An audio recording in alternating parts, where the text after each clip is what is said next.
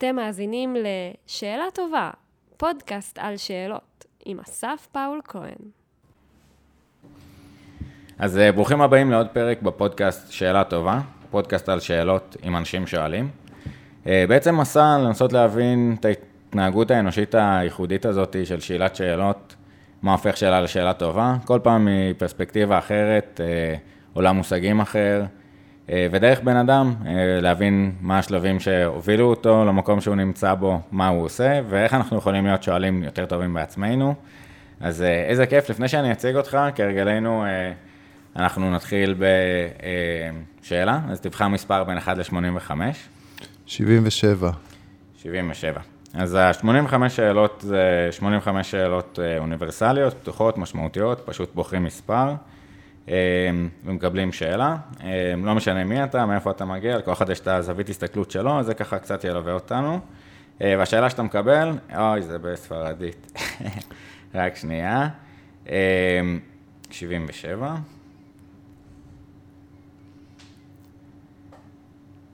אה, אם היית עושה סרט, על מה הוא היה? וואו, איזה שאלה מפתיעה, לא, לא חשבתי על זה אף פעם, לא חשבתי לעשות סרט, אבל אני חושב ש... אה, אולי הייתי עושה משהו על, אה, על, על ישראל, כן? על, אני חושב שמדינת ישראל ו, והאומה שקמה פה ב-70 וכמה שנים האחרונות, זה, זה משהו כמו נס. אם, אם אני זוכר שהיה אולי פעם סדרה כמו עמוד האש, או כל מיני דברים מהסוג הזה, אני חושב שאתה יודע, אפשר להמשיך את הדברים האלה, אז אני זוכר בתור ילד זה ריגש אותי. אה, אני חושב שלמרות הכל, אה, כל המחלוקות והקשיים והבאסה, אנחנו עכשיו בתקופת קורונה, סגרים, אה, מחלוקות בעם וזה, עדיין אנחנו פה בסוג של... אה, נס, ואנחנו צריכים אה, לדעת ולהיות חכמים מספיק אה, כעם, גם אם אנחנו לא מסכימים על הכל, לשמור את, ה... לשים את המחלוקות האלה בצד, או מה שאפשר לשים בצד, וללכת ביחד, כי אנחנו מאוד מאוד מאוד רוצים לשמור על המדינה שלנו. הייתי עושה סרט על הדבר הזה. זהו, אני, אני חושב שמגניב. זה, זה מתחבר גם במובן שאנחנו אתה יודע, בזמנים כאלה מחפשים גם כן את המשהו היותר גדול, אה, מעבר למצוקה, הטראומה של הקורונה, הזעזוע הזה, וכאילו אה, זה מסר שאני חושב שגם היה חסר של, אוקיי, אנחנו יכולים לזה, אה, יש כן. לנו עבר משמעותית, מודדנו עם אתגרים משמעותיים יותר, אלה הדברים שצריכים לעשות. אמ, ולהסתכל על זה קדימה, על התקווה ועל העתיד, אולי נדבר על כזה ה-disruption של איך היה אפשר אולי להתמודד עם זה בצורה יותר חכמה. בהחלט. אבל, אמ, אבל ממש מגניב, אני חושב שכאילו, אני גם זה שלח אותי לעשות ספין-אופים אה, כאלה על אה, אמ, באמת הסיפורים מאחורי ההיסטוריה קצת בהיסטוריה הישראלית, אה, דברים שפחות מוכרים, כמו הבונד, וצד של כזה... אה, ציונים ממקומות אחרים ומזוויות הסתכלות אה, שונות, או אה, פעילויות של השי, דברים שכאילו, הסיפור של העם כזה בישראל, המגניב, על האיסיים וכזה, דברים ש... כן. שבעצם עיצבו, מגניב. אה, יופי, אתה רוצה, אתה רוצה ככה להציג אותי בכמה מילים, או שאני אגיד כמה מילים על עצמי, לפני אה, שככה מתחילים עם השאלות? אז אנחנו מתחילים עם עוד שאלה. אה, אני בוחר 81, הישג שאתה גאה בו. אז השאלה הראשונה היא אליי, כאילו, ואז אתה יכול זה. אני חושב ש... הרעיון במשחק הזה באמת שנייה רגע לפתוח, ויש פה את המקום באמת שעוד שנייה נתמקם בשיחה, גם שנינו וגם המאזינים, אבל... גם המקום שכזה כולנו בני אדם, לנסות להבין קצת את הסיפור מאחורי ואת ה... כי קצת הטייטלים שעוד מעט ניגע בהם, שהם סופר מרשימים, הם, הם תמיד יהיו אה, אה, צרים מלהכיל באמת את המכלול אה, הוויה, את נקודת הסתכלות הייחודית, הנקודות והניסיון שעברת. ויש פה קצת איזשהו ניסיון לפתוח בשיחה אוניברסלית כזאת, אז נציין עוד איזה אחד. אז הישג שאתה גאה בו. אמ, אז אה, בפעמים הקודמות אה, אמרתי אה, ככה שהייתי, היה לי הזכות להיות לצד אנשים מהמשפחה שלי שהיו צריכים בזמן משמעותי ולהיות איתם, שזה מתעלה מעבר לדברים נוספים. אמ, באמת שבדרך לפה חשבתי של תכלס ה-85 שאלות והפודקאסט קצת פתאום, אה, מן הסתם salient, כי זה מה שאנחנו עושים פה, אבל המסע הזה וכמות המאזינים ש, שהצטרפו והפידבקים של בעצם עוד אנשים ששואלים שאלות, וזה שזה נפתח עכשיו בספרדית, אז כן, פתאום 5,000 איש בדרום אמריקה, ספרד, שואלים את עצמם, אה, אוקיי, את זה, ושואלים שאלה, ושנייה מפגש אנושי, אז אני אומר, וואלה, איזה scale מגניב שלה. אז זה מה שעלה לי. אוקיי. מבחינתך הישג שאתה גאה בו? אני חושב שלהיות אה, אבא, להיות אבא לשלושה ילדים, אה, אתה יודע, יכולתי לענות על אה, דברים מקצועיים, אבל אני חושב שלהיות אבא ואבהות בכלל, וגבריות, מה זה בעצם אומר בתקופה שלנו? מה זה להיות אבא ומה, ומה זה להיות אבא טוב ואחראי?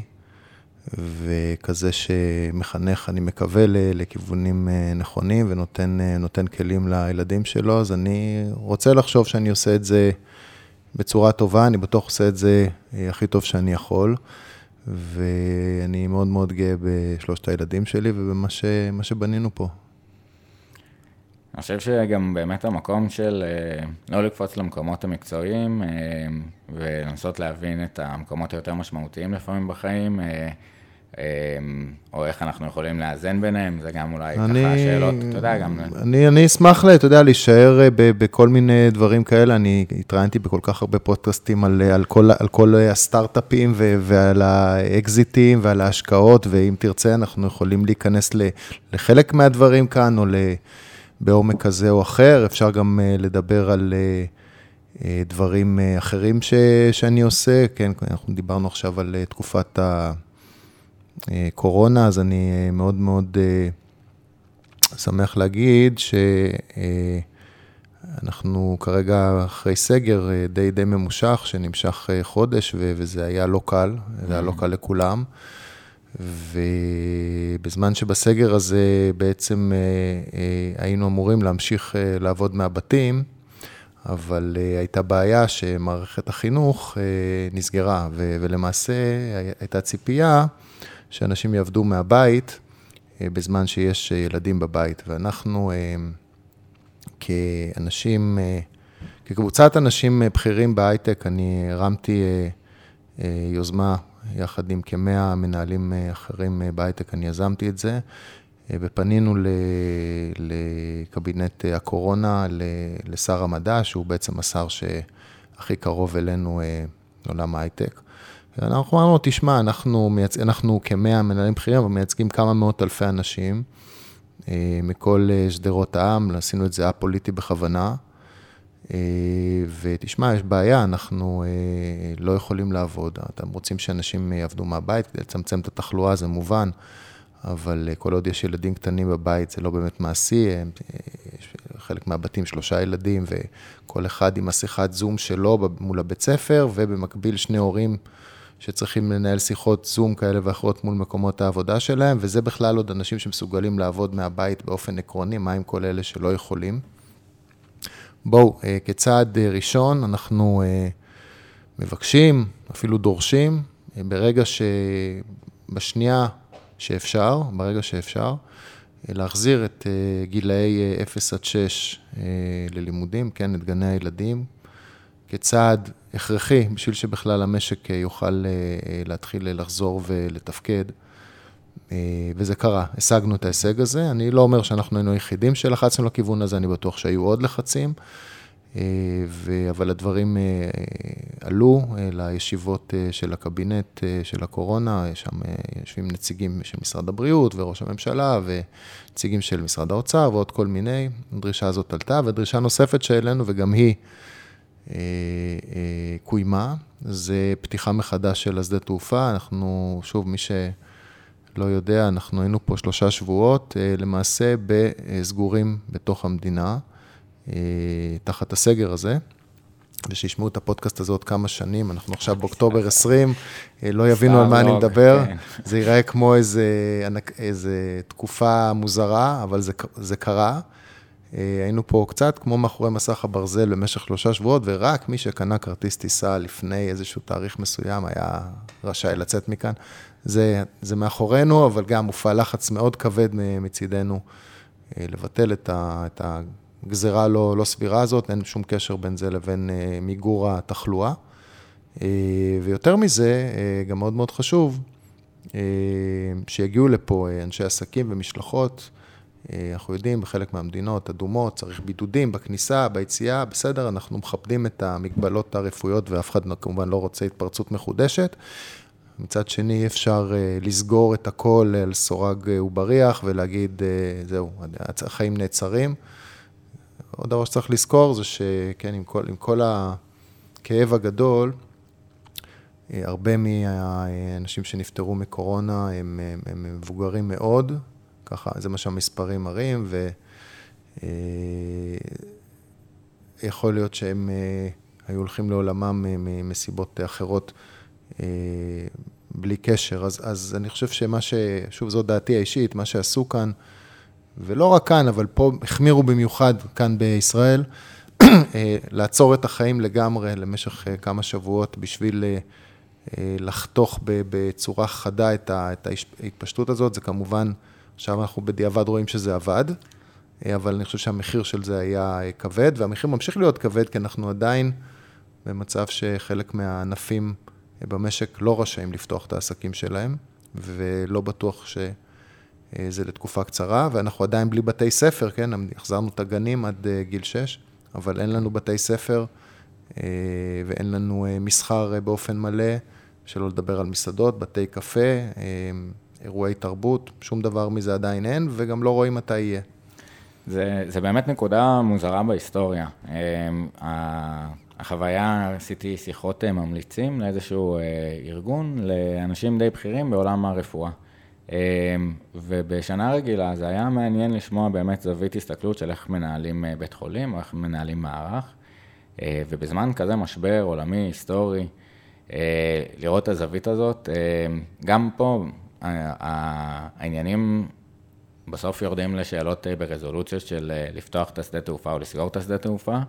אמ, הכלי שהוא, ברור שהוא יעיל, אבל אה, באיזה מחיר? זאת אומרת, השאלות, שאני חושב שזה מעניין,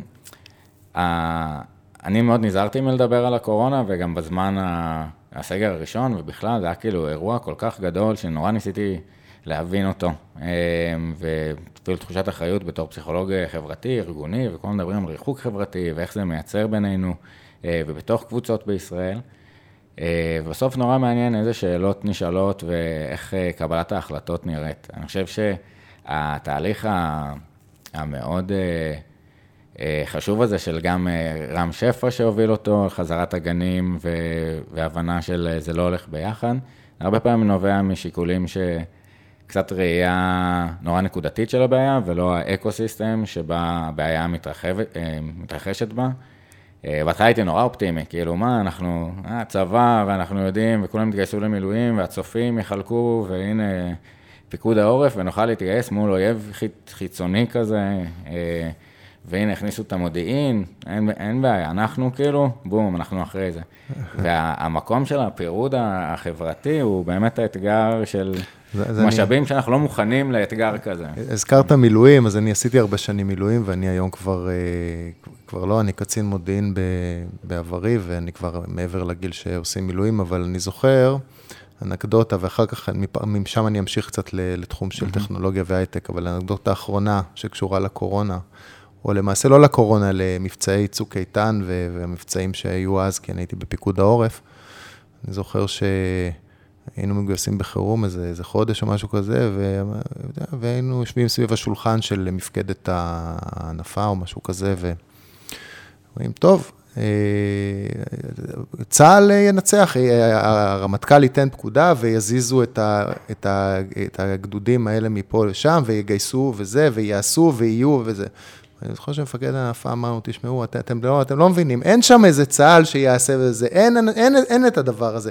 יש אותנו פה, אתם צריכים להבין, זה אנחנו, כאילו, אין שם מישהו שיבוא ויציל, אנחנו כ, כיחידה אחראים על, ה, על השטח אה, הזה, ויש לנו את הכוחות שלנו, ואף אחד לא הולך לעזור לנו, זאת אומרת, אם עכשיו יהיה פה אירוע, זה אנחנו שמטפלים. אין שם איזה מישהו מבחוץ חכם, גדול, עם איזה כוחות אה, פלא שהולך אה, להציל אתכם.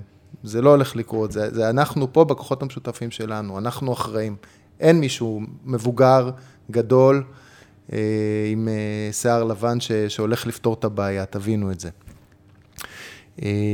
מפה אני רוצה טיפה להמשיך ככה קצת לעולמות הטכנולוגיה ש, שאני בא מהם, ולשאלת שאלות, שזה התמה של, ה, של הפודקאסט שלך. ואני חושב שאחד הדברים שמעניין לשאול בטכנולוגיה, זה איזה שינויים משפיעים על, על האנושות, על, על הצורה שבה אנחנו חיים את החיים, איזה שינויים טכנולוגיים.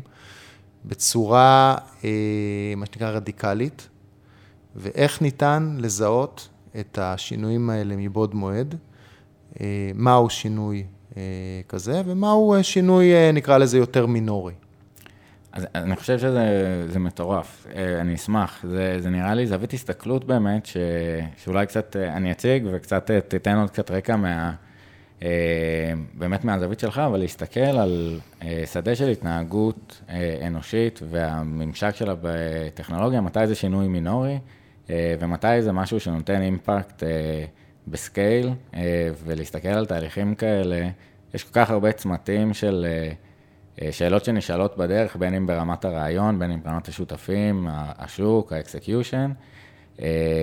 אבל עוד יותר ב scale של השקעה, של להסתכל על זה ממקומות כאלה.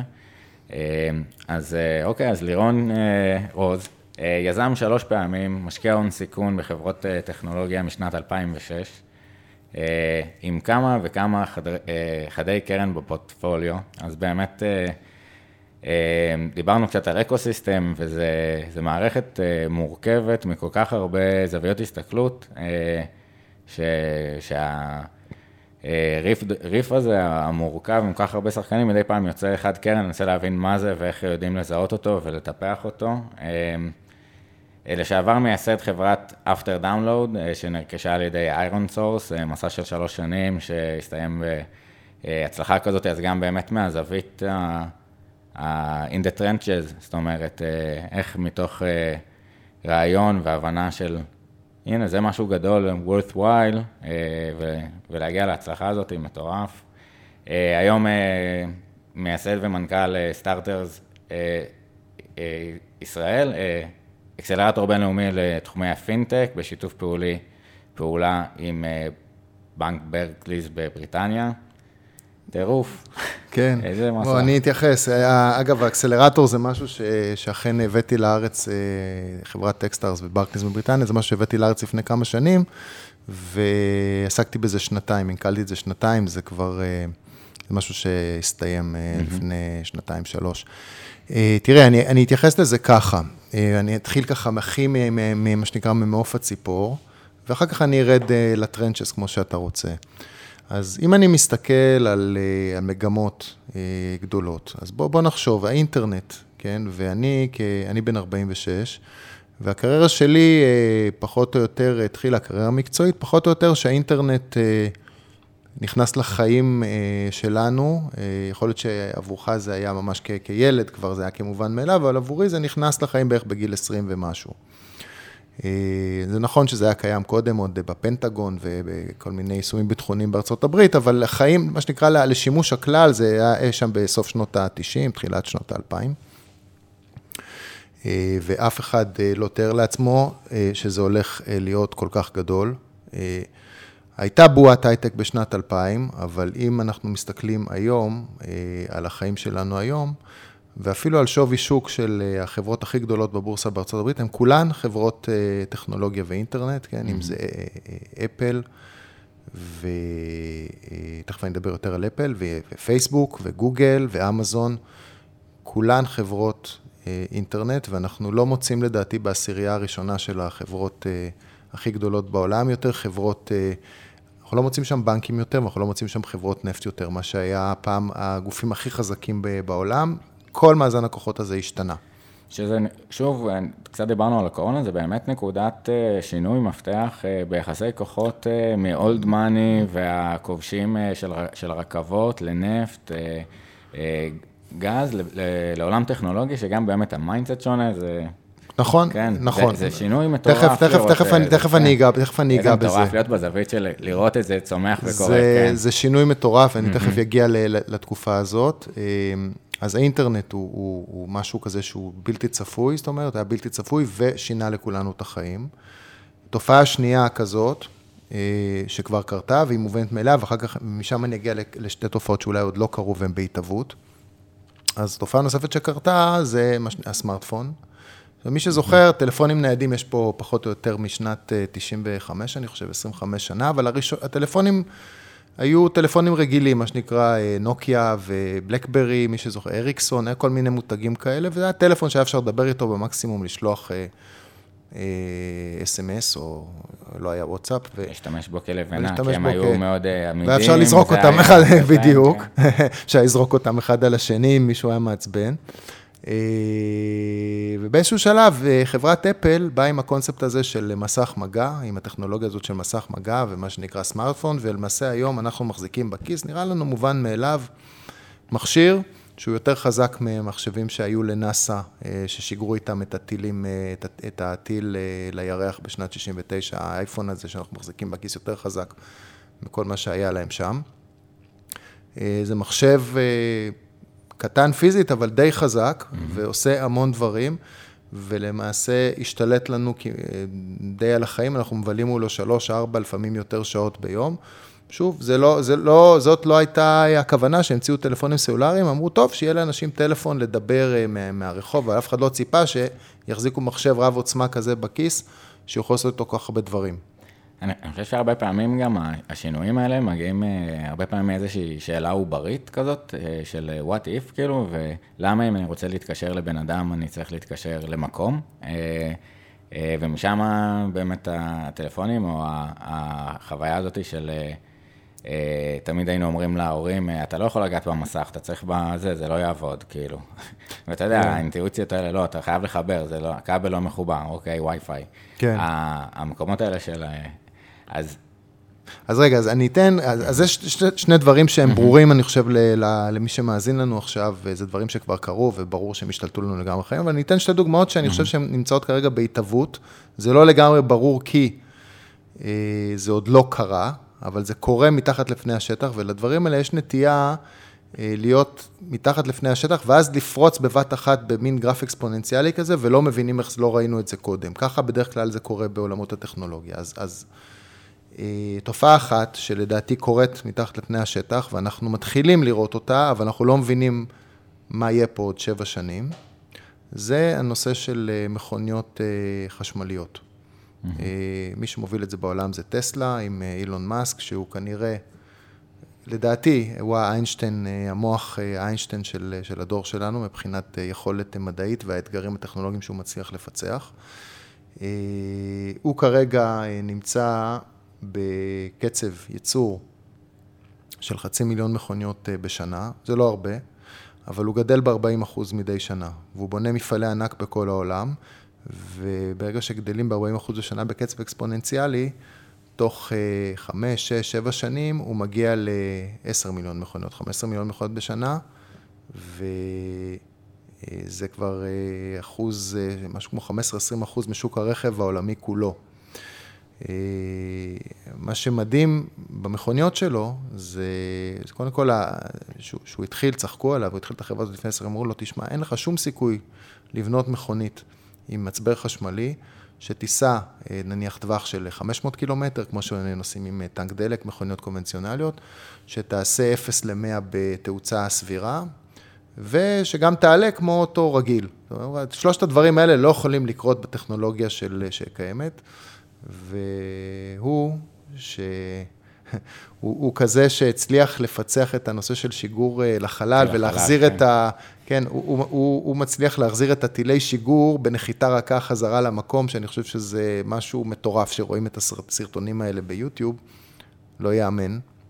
אז לבנות, כנראה שלבנות רכב חשמלי זה אה, לא כל כך קשה מבחינתו, והוא הצליח במשימה הזאת, והיום המכוניות טסלה האלה שהוא בונה, הן עושות 0 ל-100, אם אני לא טועה, בשלוש וחצי שניות, זאת אומרת, הן. מנצחות את, ה, את הפורש ואת ו- הפרארי, אולי לא את הפורמולה 1, אבל את המכוניות שנוסעות בכביש, הן מנצחות בוודאות, הן מגיעות למהירות מקסימלית, לא נוהגים ככה, אבל אם צריך, 200 וכמה, שהן לא איטיות יותר מהמרצדס הכי, אה, הכי שווה, אה, ויש להם טווח נסיעה אה, כמו של טנק דלק מלא, והוא הצליח. והן גם באופן מפתיע לא הרבה יותר יקרות, והן גם נהיות יותר זולות.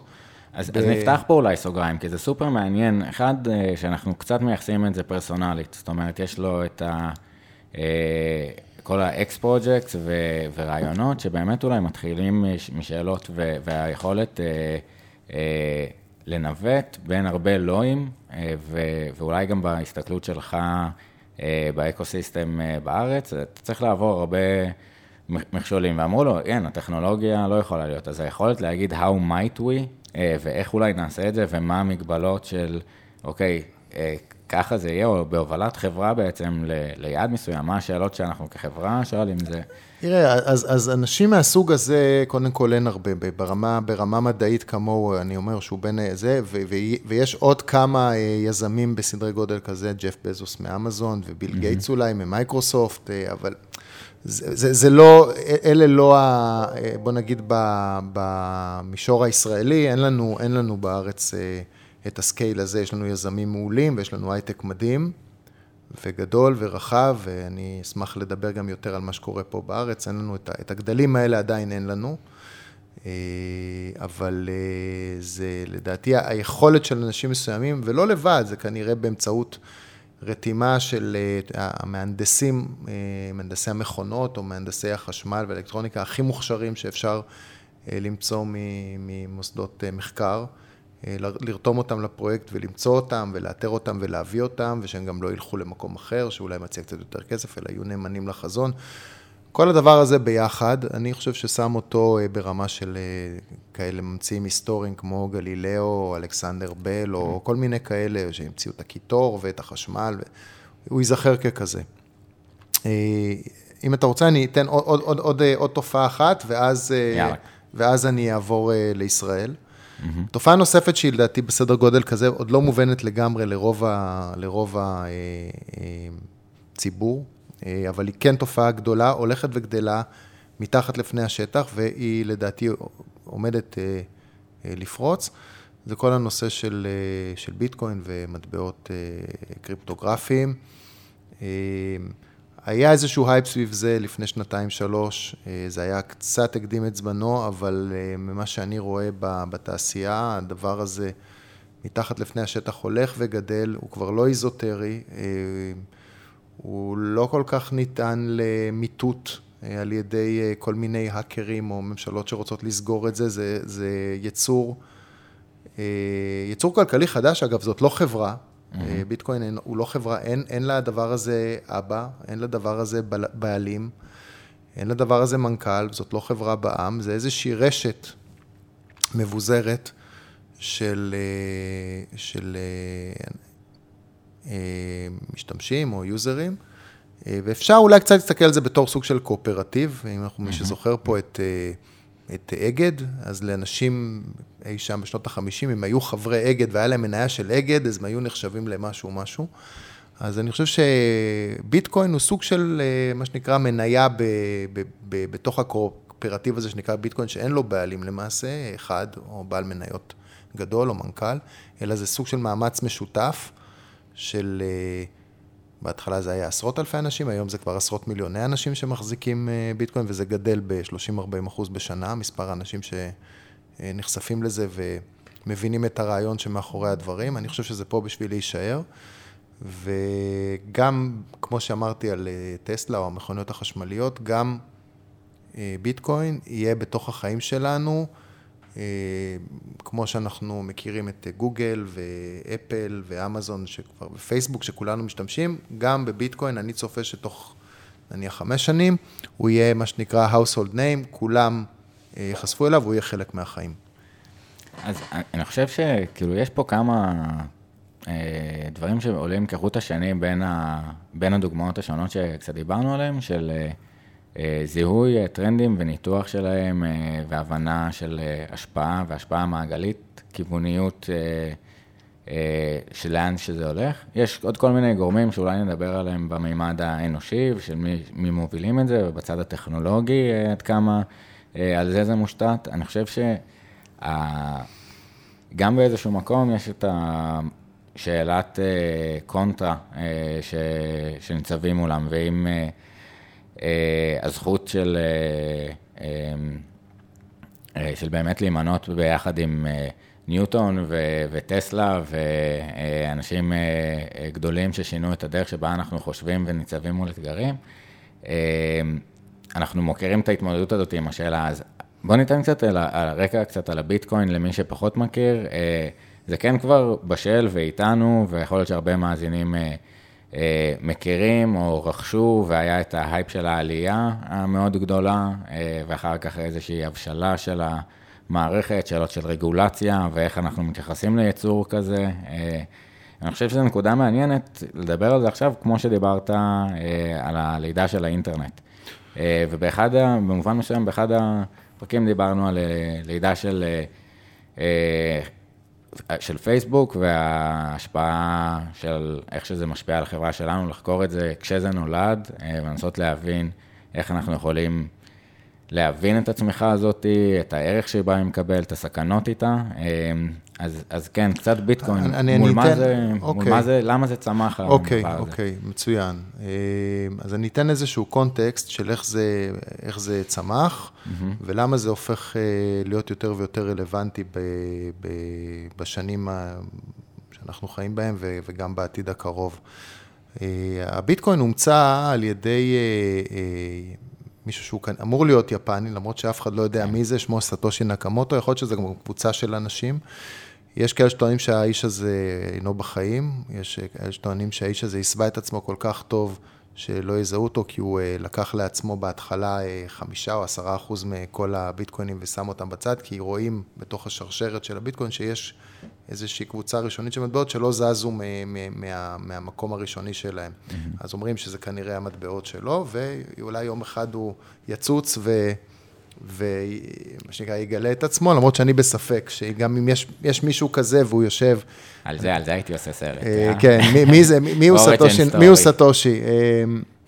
אה, אם הוא יושב ביפן באיזה מקום, או שהוא אמריקאי. או שהוא שומע את הפרק. או שהוא שומע את הפרק פה בארץ, כן.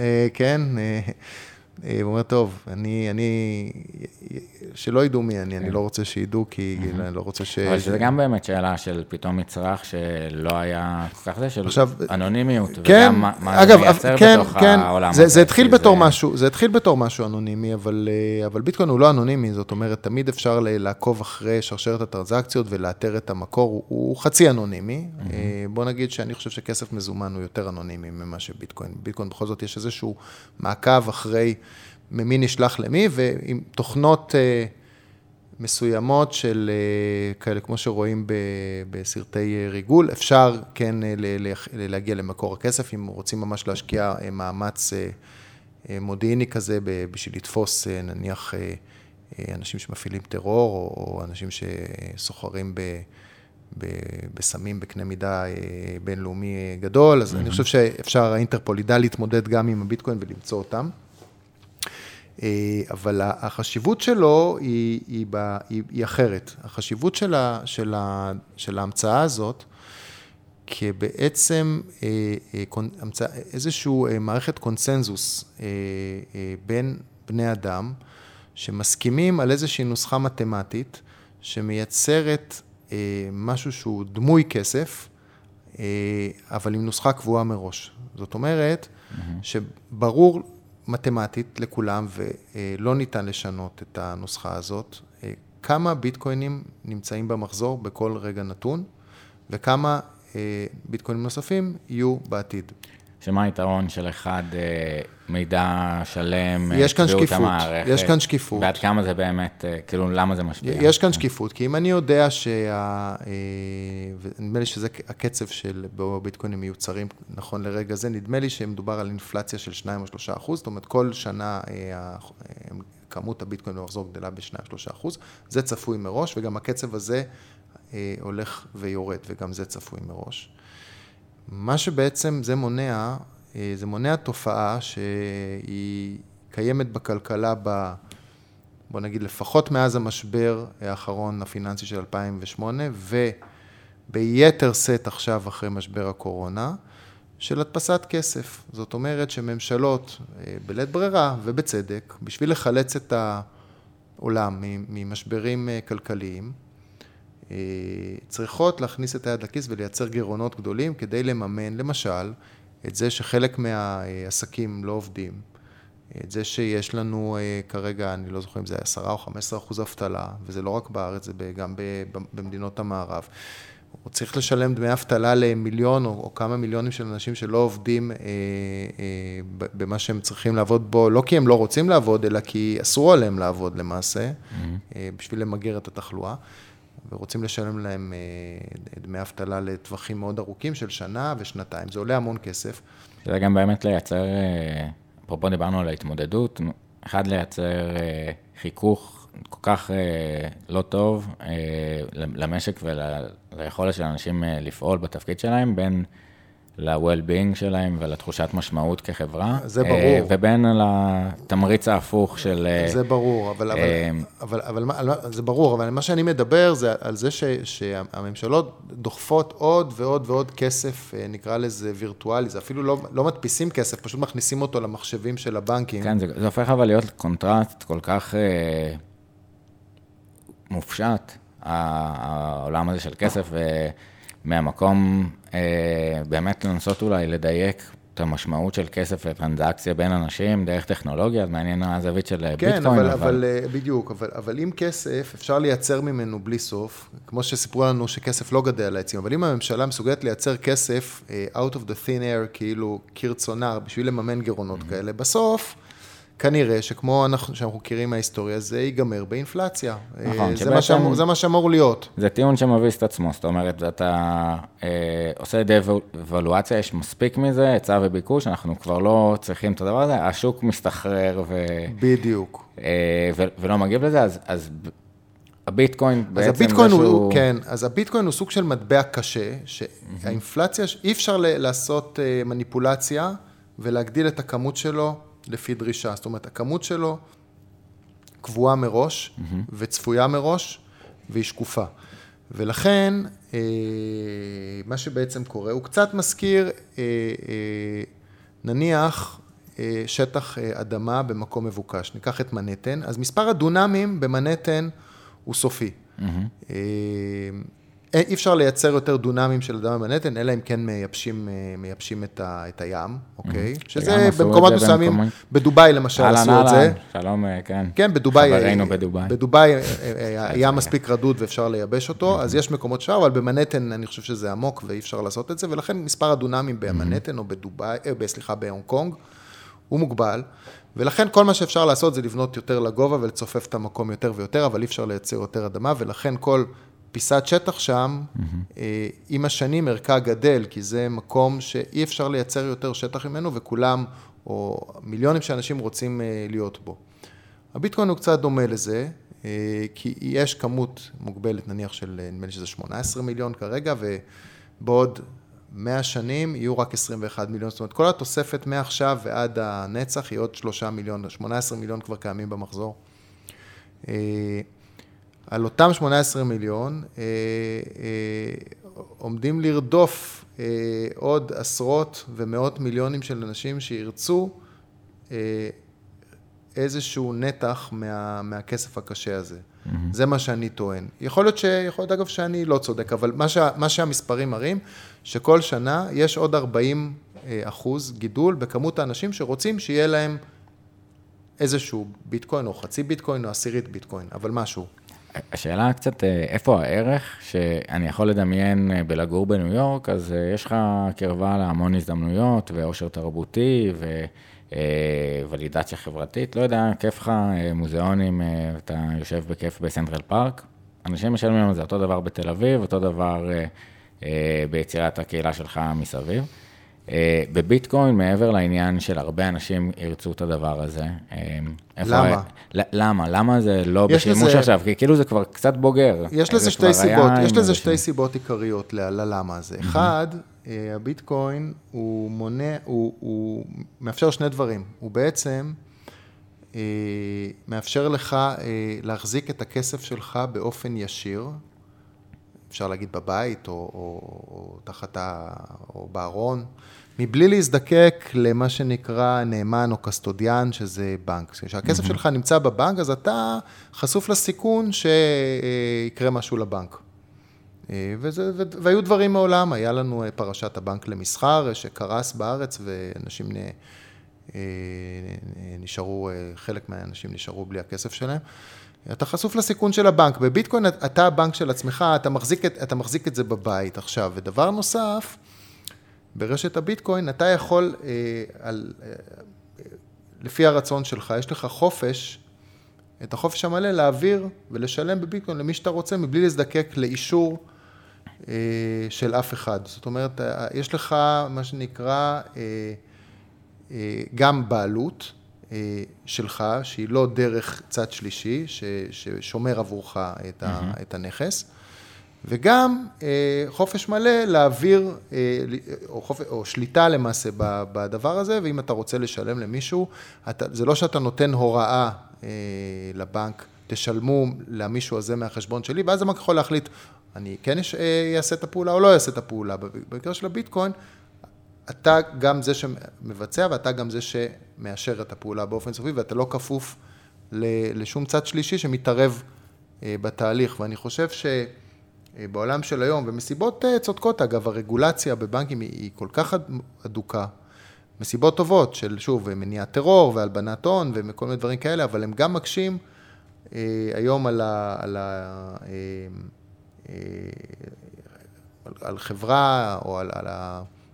בעל חשבון רגיל, הם, אה, הדרישות של הרגולציה הולכות אה, וגדלות, מסיבות מוצדקות, אבל לפעמים, אתה יודע, כמו שאתה מנסה לעצור טרור, אז אה, מדי פעם איזה טרוריסט מצליח לעבור דרך הרשת שלך ולהסתנן, אבל בינתיים, ה-99.9% מהאוכלוסייה שהם לא טרוריסטים והם אנשים תמימים, משלמים את המחיר של הפיקוח ההדוק הזה בשביל לתפוס את הטרוריסט הבודד.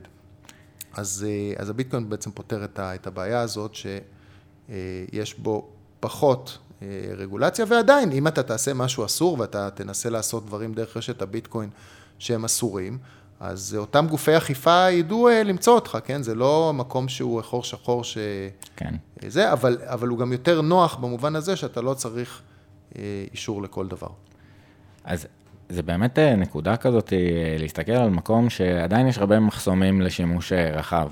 ואם שוב ניקח את האינטרנט כנקודת ייחוס שהרבה מכירים, היה גם המון מחסומים. איך יהיה לנו תשתית של אינטרנט שמגיע, מחשבים פיזית לאנשים, מודעות, ערך בשימוש, פיתוח של אפליקציות, יצירה של זה באמת, של קוד פתוח, שאני חושב שזה שינוי תפיסתי נורא מעניין של... אה, אנחנו עכשיו בעידן של ויראליות ומבינים אה, אה, יצירתיות אקספוננציאלית אולי באיזשהו מקום. כן, אתה, אתה, אתה צודק לגמרי. תראה, הביטקוין נמצא היום, מבחינת נוחות השימוש, איפשהו כמו שהאינטרנט היה לפני 20 שנה. זאת אומרת, זה לא כל כך נוח, בוא, מי שרוצה ללמוד את זה ולהשתמש בזה, ימצא את הדרך, אבל זה ממש לא, אה, מה שנקרא, לגברת כהן מחדרה, mm-hmm. המפורסמת, אה, או למקבילה שלה במיסיסיפי או אלבמה, סמנטה סמית נקרא לה ככה. זה לא כל כך פשוט להתעסק עם זה, והיא... ויש לה תמיד את הפחד שהיא תעשה משהו לא נכון והביטקוין ייעלם, כי, היא תלחץ על הכפתור הלא נכון, זאת אומרת, יש עדיין מחסומים ב... אה, אני חושב שכמו שבמחשבים היו פעם מערכות הפעלה שנקראו DOS אה, ו Unix, mm-hmm. לא היו כל כך נוחות. אה, אנשי, מחש... אנשים טכניים ידעו להשתמש בזה, אבל עד שלא בא Windows ו... והנגיש את המחשב האישי באמצעות... מערכת ההפעלה של Windows, שהיא בעצם המקור לזה שמייקרוסופט אה, נהייתה חברה כל כך מצליחה ועשירה, אה, המחשבים היו אה, קצת פחות ידידותיים למשתמש. ואותו דבר הביטקוין, אני חושב שסביבו נבנים, נבנים עכשיו כל מיני אפליקציות שיהפכו אותו לידידותי יותר למשתמש הרגיל, וככה בעצם גם קורה התהליך שיש לו יותר ויותר משתמשים. זאת אומרת, ככל שהוא הופך למונגש יותר וברור יותר לשימוש, ככה מספר האנשים שרוצים אה, אה, להשתמש בו ואומרים, אוקיי, אני מבין איך הדבר הזה עובד, אני לא מפחד שזה ילך לי לאיבוד, או שיקחו לי, או שאני אעשה איזה טעות וכל הכסף ייעלם לי, אה, אוקיי, זה ככה, אני יכול להעביר כסף ב- באייפון מ- כמו בביט. זאת אומרת, אם זה מגיע לרמת הנוחות של ביט, אז אנשים אה, מוכנים אה, להשתמש בזה. אני חושב שביט זה נגיד דוגמה טובה לאפליקציה מוצלחת, ששינתה את הדרך שבה אנשים אה, מעבירים כסף אחד לשני. אני, חושב שבאמת, אה, אחד הפרקים דיברנו במיוחד על אה, אפליקציית ביט והחוויית משתמש אה, של איך בן אדם חושב שהוא רוצה להעביר כסף ואיך אנחנו מנגישים את זה כדי לחתוך את המחסומים ואיך איך אנחנו בעצם שואלים את הלקוח מה הוא צריך. כי באמת נראה שיש איזשהו gap והרבה סימני שאלה אם זה יהפוך למשהו שהוא אופנתי, כן, יש את הפחד של פיחות ש... שהיה ואיפה אתה בתוך זה, אבל המקום של לזהות פוטנציאל, אני, אני כן רוצה אולי שנחזור ככה, אה, אתה יודע, אחורה, ואני מנסה לחשוב אה, לאיזה נקודה, כאילו, אם אה, מרמת ה, איזה טיפ היית נותן לעצמך אה, ב, בתחילת הדרך של היזמות, אה, אם היית פוגש את עצמך היום, אה, או אפילו יותר מאוחר, אה, של אה, אה, איזה נקודה בחיים הפנתה אותך למקום הזה. אני כן? חושב שזה זה גם, אה, זו שאלה טובה מאוד. אה, אם אני הייתי אה, מסוגל, וזה תמיד הייתי מסוגל לחזור בזמן. כמו בסרטים, בסרטים האלה, ולחזור לפגוש את לירון, שהיה בן 18 או 25 לצורך העניין, ולייעץ לו ממרום גילי, תשמע, תעשה ככה וככה, כמו שרואים בסרט בחזרה לעתיד, וככה העולם, תשנה את העולם. אה, הייתי אומר לעצמי ככה, הייתי אומר, תשמע, תלך עם האינטואיציה שלך, תאמין בה יותר, אל תפחד, יהיה בסדר. זאת אומרת, אל תדאג. אה, זה המסר שהלירון הנוכחי היה אמור, אה, היה יכול לתת ללירון הצעיר. אל תדאג, סמוך על עצמך, יהיה בסדר. כזה. זה מגיע ממקומות של אימפוסטר סינדרום, זאת אומרת איזושהי תחושה של וואי, זה נור, דברים נורא גדולים שאני מתעסק בהם עכשיו, מכירה במיליונים וחשיבה בסקייל ו, אה, ו, ואיזה לחץ, לא, מ- מאיפה... לא, ה- לא, לאו דווקא. אני חושב שזה בא, אבל שוב, זו חוכמה שבדיעבד, אה, מ- מהפרספקטיבה היותר ארוכת שנים על איכות קבלת ההחלטות. אה, שלי, כן? זה, אני סך הכל, אה, גם בחיים האישיים וגם בחיים המקצועיים צריך לקבל אה, לא מעט החלטות, כן? זה יכול להיות החלטות קטנות של אה, איפה ללכת אה, אה, לקנות אה, איזשהו רהיט, מהמם. ויכול להיות החלטות יותר גדולות של באיזה סטארט-אפ להשקיע, או איזה מניה לקנות, והרבה, שזה כמובן בסכום, בסכום הרבה יותר גדול, כן? או איפה לקנות דירה, כאלה. זאת אומרת, הרבה פעמים אה, אה, יש דיספרופורציה בין אה, כמות הזמן שאנחנו משקיעים בהחלטות קטנות, לעומת הזמן שאנחנו משקיעים בהחלטות גדולות, אני, אני, מה שאני בעצם רוצה להגיד, אנחנו לא משקיעים מכפלה של הזמן בקבלת ההחלטות כפונקציה של, אה, של אה, נניח החשיבות הכספית של ההחלטה, כן? אה, אנחנו, זה לא ככה, אנחנו הרבה פעמים מקבלים החלטות, משקיעים את אותו זמן מחשבה במשהו שהמשמעות. התוצאתית הפיננסית, הפיננסית שלו יכולה להיות פי 10 או פי 100 יותר חשובה ממה שאיזושהי רכישה אה, קטנה. ו- ו- ומפה אני הולך ל- לתהליכי קבלת ההחלטות שלי, ו- ואני אומר, תשמע, התוצאות מראות שבסופו של דבר אני מקבל אה, החלטות לא רע, אני לא צודק כל הזמן, אבל אני עושה החלטות אה, לא רעות על פני זמן, אבל את זה לא יכולתי לדעת אה, בגיל אה, 20, אה, שאני מקבל החלטות בצורה טובה. יכולתי לחשוב ככה, אבל הייתי תמיד מודאג מזה שאולי אני לא בוחר נכון, אולי אני לא מחליט נכון, אולי אני צריך בכלל לעשות משהו אחר. ואז בראייה לאחור, אני, אני רואה שבסך הכל השרשרת קבלת החלטות הייתה טובה, והיה אפשר לדאוג פחות. אז זו הסתכלות אה, מאוד יפה, אני שואל את עצמי, כאילו באמת אם המקום שאנחנו משתמשים בשאלה הזאת היא קצת כשאלת פר, אה, פרספקטיבה. אה, אני חושב שגם אם ככה המאזינים שנייה שואלים את עצמם איפה הם היו נותנים טיפ, פתאום אתה סו- סורק ככה את, החיים שלך ואת המקום ש, שהיה חסר. באמת הנקודה המיוחדת אה, זה כן צמתי קבלת ההחלטות אה, באופי מאוד שונה, נגעת בזה בין כיזם ובין כמשקיע, אה, ובין באספקטים אחרים בחיים. ומתוך הפרספקטיבה הזאת יש איזה שהן שאלות שהיו שאלות שאתה אומר, אלה שאלות שהן יותר מהותיות, שהייתי או משקיע בהן יותר זמן, או האופי שבו הם נשאלו, עיצבו בצורה יותר משמעותית את המשך המסלול וההצלחה של החברה, של היעד. אני חושב שיש כמה שאלות שהן אה, שאלות אה, קריטיות, ש, ש, ש, שכדאי לשאול ואותן, את עצמך הרבה פעמים אה, שאתה ככה בתחילת החיים. לא בטוח שגם אם אתה שואל אותם כל כך הרבה פעמים, התשובה תשתנה, אבל לפחות אתה משקיע מחשבה בשאלה, ולפעמים... אה, זה לא ישנה את ההחלטה או את התוצאה, אבל לפחות אה, אתה יודע בדיעבד שחשבת על זה מספיק זמן. אז אני חושב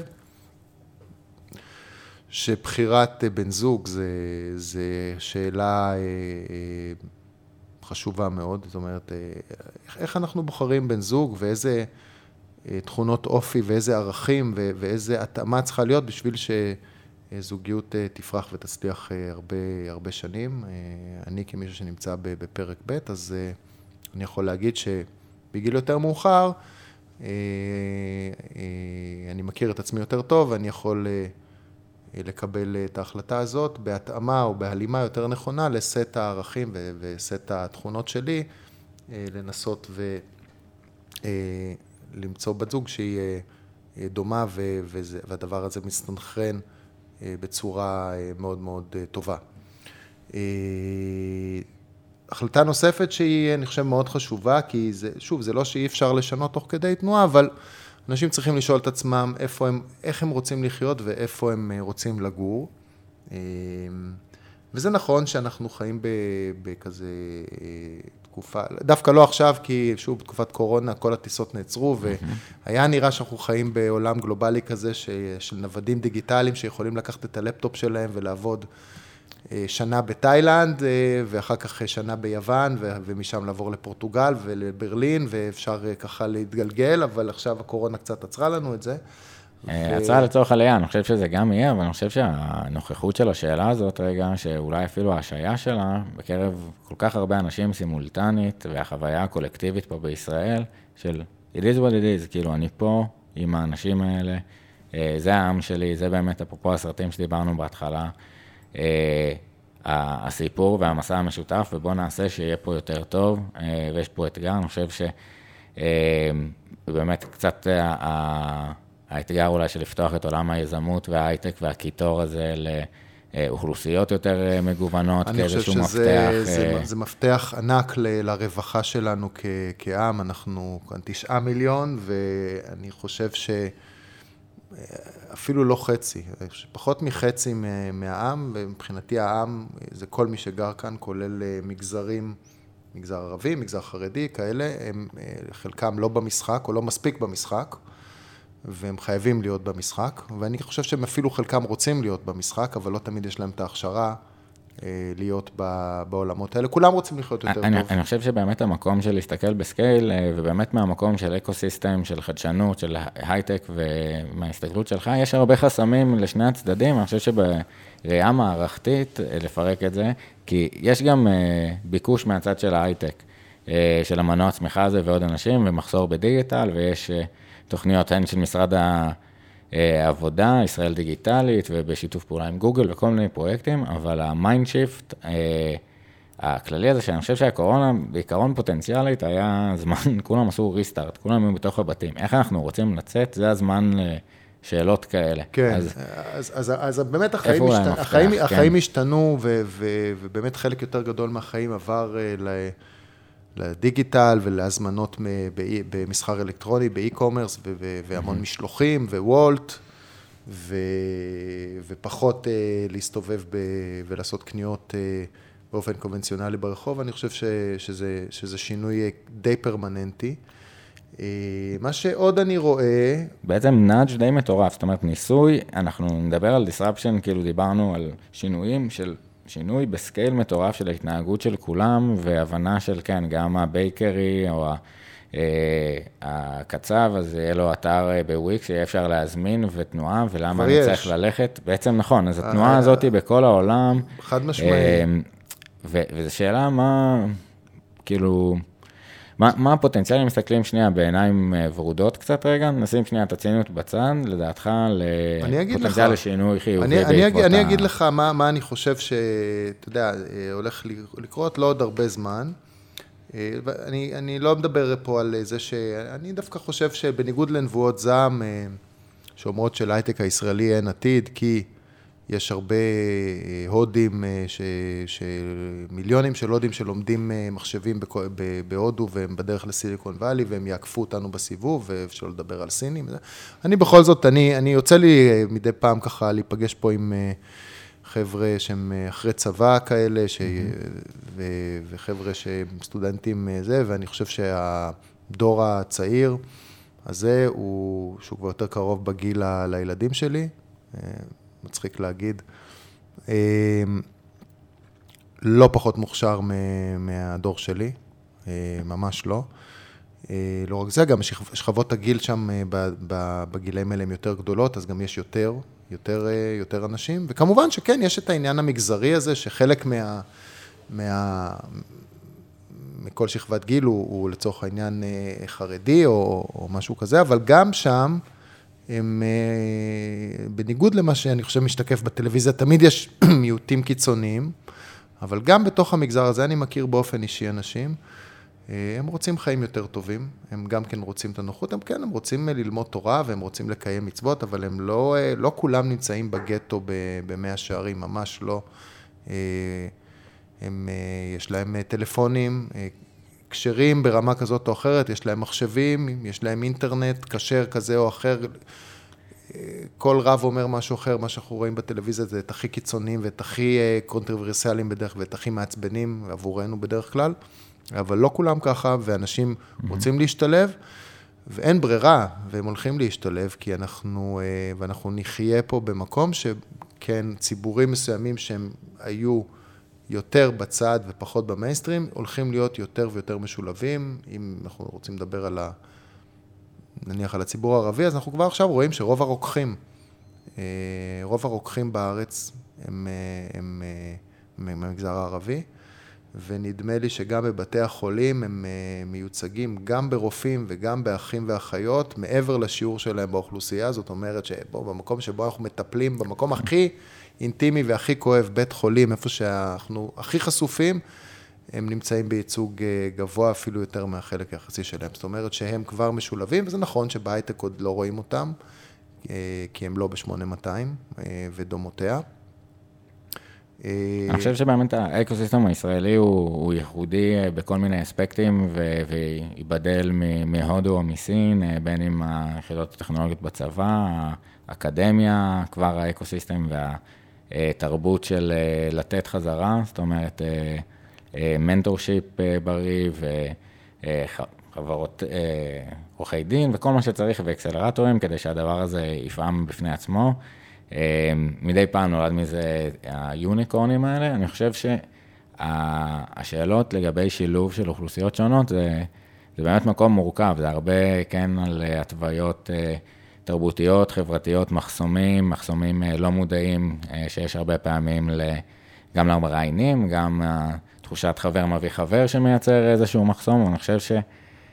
בהסתכלות גם מחוץ לקורונה, ההבנה הזאת היא שיש פה קבוצות שונות, כל סוכן עכשיו, גם כשאנחנו שמים מסכה ברחוב, זה קצת לשלם איזשהו מחיר קטן לצורך רווחת הכלל. אפשר ללכת לכל מיני סוגי דברים קטנים שאתה עושה למען הקבוצה מסביב.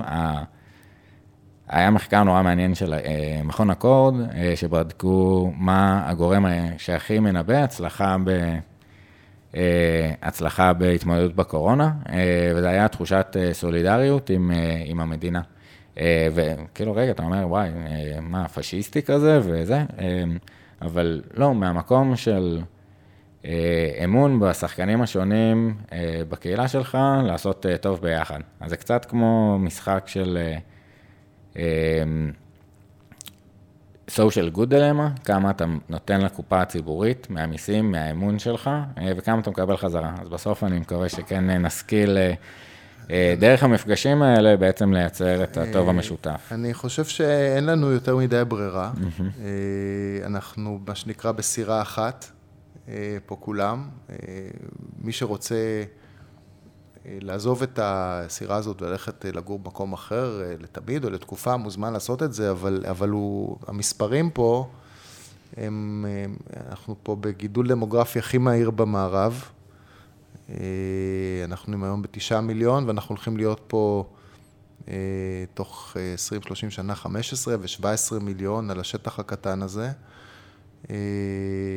צפוף, ואנחנו נהיה חייבים ללמוד לחיות אחד עם השני בצורה אה, עם פחות חיכוך. אה, כי זה או שאנחנו אנחנו, תלו, אנחנו תלויים זה בזה, ויותר טוב שאנחנו נהיה תלויים זה בזה, מה שנהיה תלויים זה ליד זה. Mm-hmm. היכולת שלנו כ, כעם לחיות אה, ביחד ו, ו, ולהיות יותר סובלניים אה, ויותר עם, עם יותר אמפתיה גם למיעוטים או קבוצות אוכלוסייה שונות. אין לנו ממש ברירה, על, על, על 20 אלף קילומטר מרובע עם 20 מיליון תושבים, אנחנו נדרוך אחד על השני, אה, אה, ולא יהיה נעים לחיות כאן אם אנחנו לא נשתפר בזה, ואנחנו חייבים להשתפר בזה, ויש לנו עוד הרבה לאן להשתפר בזה. אה, וזה משהו ש, ש, שיקרה. אה, ולו מתוך כורח, כי אחרת תהיה הרבה הרבה פחות אה, נעים לכולם. אה, אני חושב שהקורונה חשפה את זה שאנחנו מאוד תלויים אחד בשני, במקרה של מגפה עולמית, שווירוס שלא מבחין בין, mm-hmm. בין מגזר כזה או אחר. מפרק את כל ה in-group, out-group, זה הכל המצאה בסוף. כן. אנחנו, אה, בשביל הווירוס אנחנו כולנו אותו דבר, ו, ואם אנחנו אה, לא עושים מה שצריך, אז אנחנו אה, נהיה כולנו חולים. אני חושב שזה היה הצצה די ככה עם זכוכית מגדלת לכיוון העתיד, ולגמרי צריך שנתעלה פה מעל מחלקות, מחלוקות פוליטיות, כאלה ואחרות שיש, ואנחנו רואים את זה בטלוויזיה, וזה, וזה הרבה פעמים נורא מקומם אפילו. אין לנו ממש ברירה, אם אנחנו רוצים אה, לחיות בשטח כזה קטן, אה, כזו כמות גדולה של אנשים, רק אזכיר שהמדינה הזו קמה, היו בה רק מיליון תושבים. Mm-hmm. היום אנחנו תשעה, ואנחנו גדלים בקצב הכי מהיר אה, במערב. אנחנו חייבים ללמוד לחיות ביחד אה, ולשלב כוחות ולעשות את הכי טוב שאפשר בשטח הקטן הזה פה, אה, כדי שנחיה טוב. אז באמת הזמן שלנו אה, נגמר, השאלות מהקהל יעברו לפורום, נשלח ותענה שמה, בין השאלות איך מתכוננים לקורונה הבאה, אה, כמה אחוז מההחלטה להשקיע בפרויקט תלוי בטיב הפרויקט וכמה באופי היזם עצמו, אה, מה הופך שאלה לשאלה טובה, אה, מה,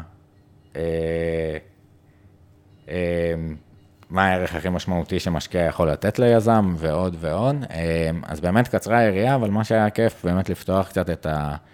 אה, סוגריים ולצאת איתך למסע של אה, הסתכלות. נעטוף בשאלה שאנחנו מסיימים איתה. אה, אם היית יכול לתת טיפ או עצה אחת לעם היושב בציון או בכלל, לכלי או לדרך שבה אנחנו יכולים לעשות שימוש בשאלת שאלות כדי שיהיה פה יותר טוב, מה זה היה? אני חושב שהשאלה היא, איך אתם, איך אתם רוצים לחיות כאן? ואיך אפשר להגיע לזה שאנחנו נחיה פה ביחד בהרמוניה כמה שיותר גדולה. אנחנו שותפים לזה. זאת אומרת, אנחנו צריכים אה, להתגבר על כל המחלוקות ולייצר איזשהו מכנה משותף עם כל הקושי שיאפשר לאנשים לחיות כאן ביחד. אה, וכולנו נצטרך להתפשר קצת, אבל זה שווה את זה. אדיר. אז אני, ככה יש אה, המון שאלות שנותרו אה, אה, בלי מענה אה, וטעם לעוד. אה, אני לקחתי באמת את המקום אה, של אה, להשתמש אולי ב, בשאלות שאנחנו שואלים, של האופי, של איך אנחנו רוצים שזה יהיה פה, אה, ולייצר שיח סביב העניין הזה מצד אחד. אה, מה המקומות בסיס, שבסוף יש לנו את המערכת של דמוקרטיה שאמורה לעבוד בצורה מסוימת עם מנהל תקין, אה, אבל, אה, אבל לקחת חזרה גם את התחושת האחריות שלנו כאזרחים, זאת אומרת, אם הם אה, לא מתנהגים כמו שצריך, זה לא אומר שאני גם צריך להפר את הבידוד והשבירת אמון הזאת, ולקחת את זה חזרה לשדרה האזרחית. בכלל, לראות ככה מה השאלות אה, שאנחנו בוחרים אה, במוץ, אה, מתוך כל התבן, ובכל אופן, תודה רבה על ההצצה היום. היה לי ממש כיף, היה לי כיף מאוד, תודה שהזמנת אותי. אחלה, אז נתראה בפרק הבא, להתראות חבר'ה, ביי ביי.